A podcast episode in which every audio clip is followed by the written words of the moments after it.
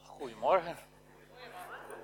Toen ik uh, aan het voorbereiden was voor uh, vandaag, had ik eigenlijk maar één tekst. En uh, die kwam elke keer weer terug in mijn gedachten. En die staat in Jesaja 61. Ontzettend bekende versen. De eerste twee versen. De geest van God, de Heer, rust op mij. En niet op mij alleen, maar die zou je dus eigenlijk voor jezelf gewoon even mee moeten lezen. Zo aan het begin van dit nieuwe jaar. Hè? De geest van de Heer rust op mij. Want de Heer heeft mij gezalfd. Om aan armen het goede nieuws te brengen, heeft Hij mij gezonden. Om aan verslagen hart en hoop te bieden. Om aan gevangenen hun vrijlating bekend te maken. En aan geketenden hun bevrijding. Om een genadejaar van de Heer uit te roepen. En met name dat laatste zinnetje. Dat genadejaar dat, uh, dat bleef bij me hangen. Dus ik heb de boodschap genoemd Genadejaar 2020. En uh, ik wil jullie een klein stukje voorlezen uit het beste boek wat ik tot nog toe heb geschreven. Daar staat, daar staat boven, de kerk als huis van genade. Moeten wij als kerk niet veel genadiger worden? Zouden we niet het hart van God moeten weerspiegelen? Hebben wij als kerk niet vaak een negatief imago als het gaat om genade? Ik heb te veel mensen ontmoet die niets meer met een kerk te maken wilden hebben om de manier waarop hun ouders of grootouders zijn behandeld, omdat ze zich niet aan de regels hielden. Op die manier vind je als kerk geen genade in de ogen van het volk. Hoe zou die kerk er dan uit moeten zien om een huis van genade te zijn? Om te beginnen zouden we mensen volgens mij feestelijk moeten verwelkomen zoals de vader van de verloren zoon dat deed. We zouden zonder oordeel met ze in gesprek moeten gaan zoals Jezus deed met de vrouwen in Johannes 4 en Johannes 8. We zouden maaltijd met hen moeten houden zoals Jezus deed. We zouden eindelijk eens moeten gaan geloven dat de Heilige Geest overtuigt van zonde en dat Hij onze hulp daar absoluut niet bij nodig heeft. Als wij mensen bij Jezus brengen, hebben ze twee opties. Jezus willen volgen of Jezus niet willen volgen. Als ze Jezus niet willen volgen, verdwijnen ze vanzelf. Wat ons overigens een knoop in onze maag en pijn in ons hart zou moeten bezorgen.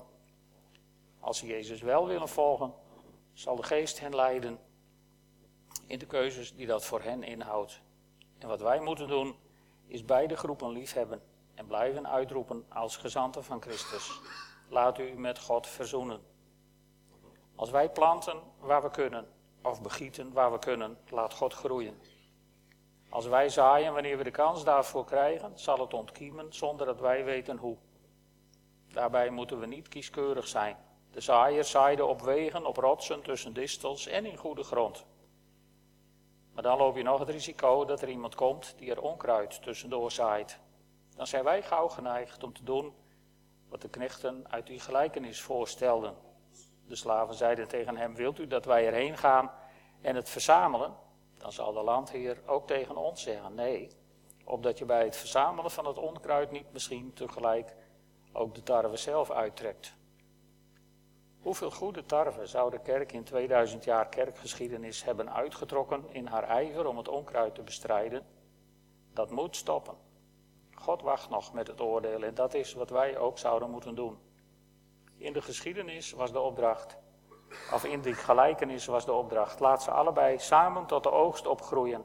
En in de oogsttijd zal ik tegen de maaier zeggen, verzamel eerst het onkruid en bind het in bossen om het te verbranden, maar breng de tarwe bijeen in mijn schuur. Ben je nu bang dat je kerk vies wordt? Jezus werd geboren in een stal, stierf aan een kruis tussen twee rovers en kreeg een graf bij de misdadigers volgens Jesaja.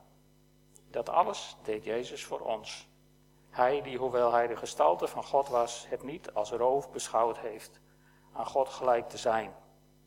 En als hij zich niet min voelde om zo ver voor ons te gaan, wie zijn wij dan om onszelf te goed te voelen? En als je even kijkt naar het huis van genade.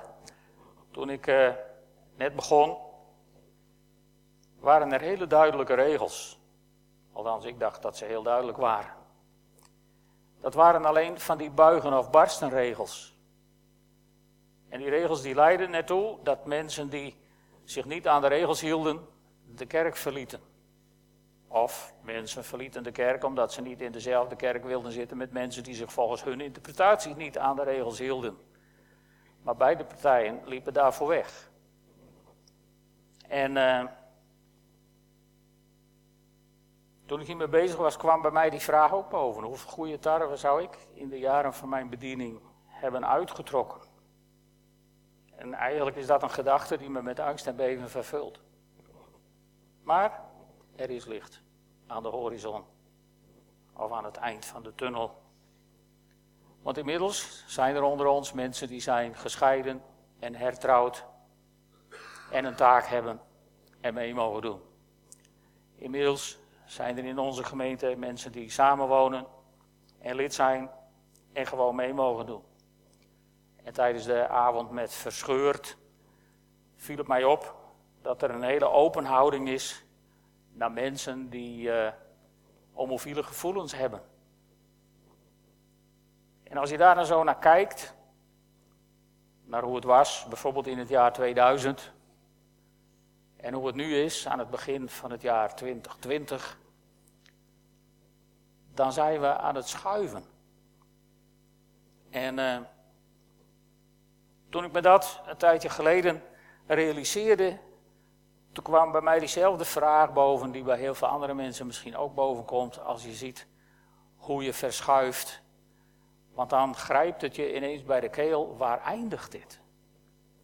En toen ik dat aan God vroeg, God, we zijn aan het schuiven, maar waar eindigt dit? Toen meen ik gezien te hebben dat de hemel even open ging. En dat God daar zat, met zijn armen wijd uit en een hele grote glimlach op zijn gezicht. En hij zei, dat eindigt bij mij. Geen paniek. Het eindigt bij mij. En ik, ik ben ervan overtuigd, als je een gemeente bent die de Heer zoekt, een gemeente bent die een open oor heeft voor de geest van God, dan kun je schuiven wat je wilt, maar het eindigt bij God. Er is licht aan het eind van de tunnel, maar dat licht heet God.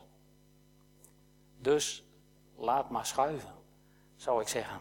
Want als het eindigt bij God, dan staan we volgens mij aan een tijd van ontzettend veel genade. En ik, ik denk echt, ik geloof met mijn hele hart, dat niet alleen 2020, maar misschien wel dit decennium, wat ze over 20 of 30 jaar, als de Heer niet terug is, de jaren 20 zullen gaan noemen.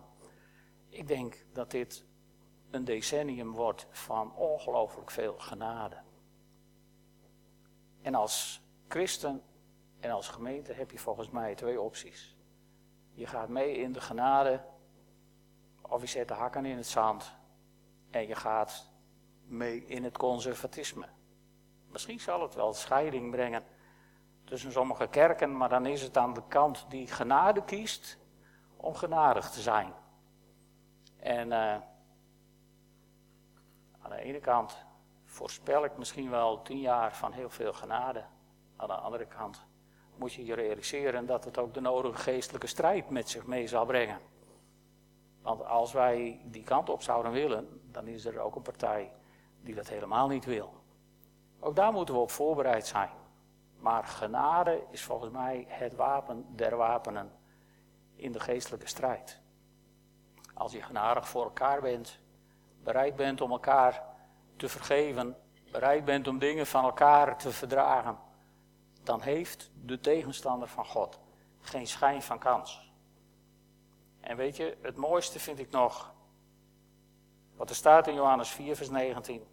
En daar wil ik mee afsluiten. Daar schrijft Johannes: Wij hebben alleen maar lief omdat God ons eerst heeft lief gehad. Dus met andere woorden, wij hoeven niks te produceren. Wij hoeven alleen maar door te geven. Hoe moeilijk kan het zijn? Ik wens jullie heel veel heil en zegen en genade.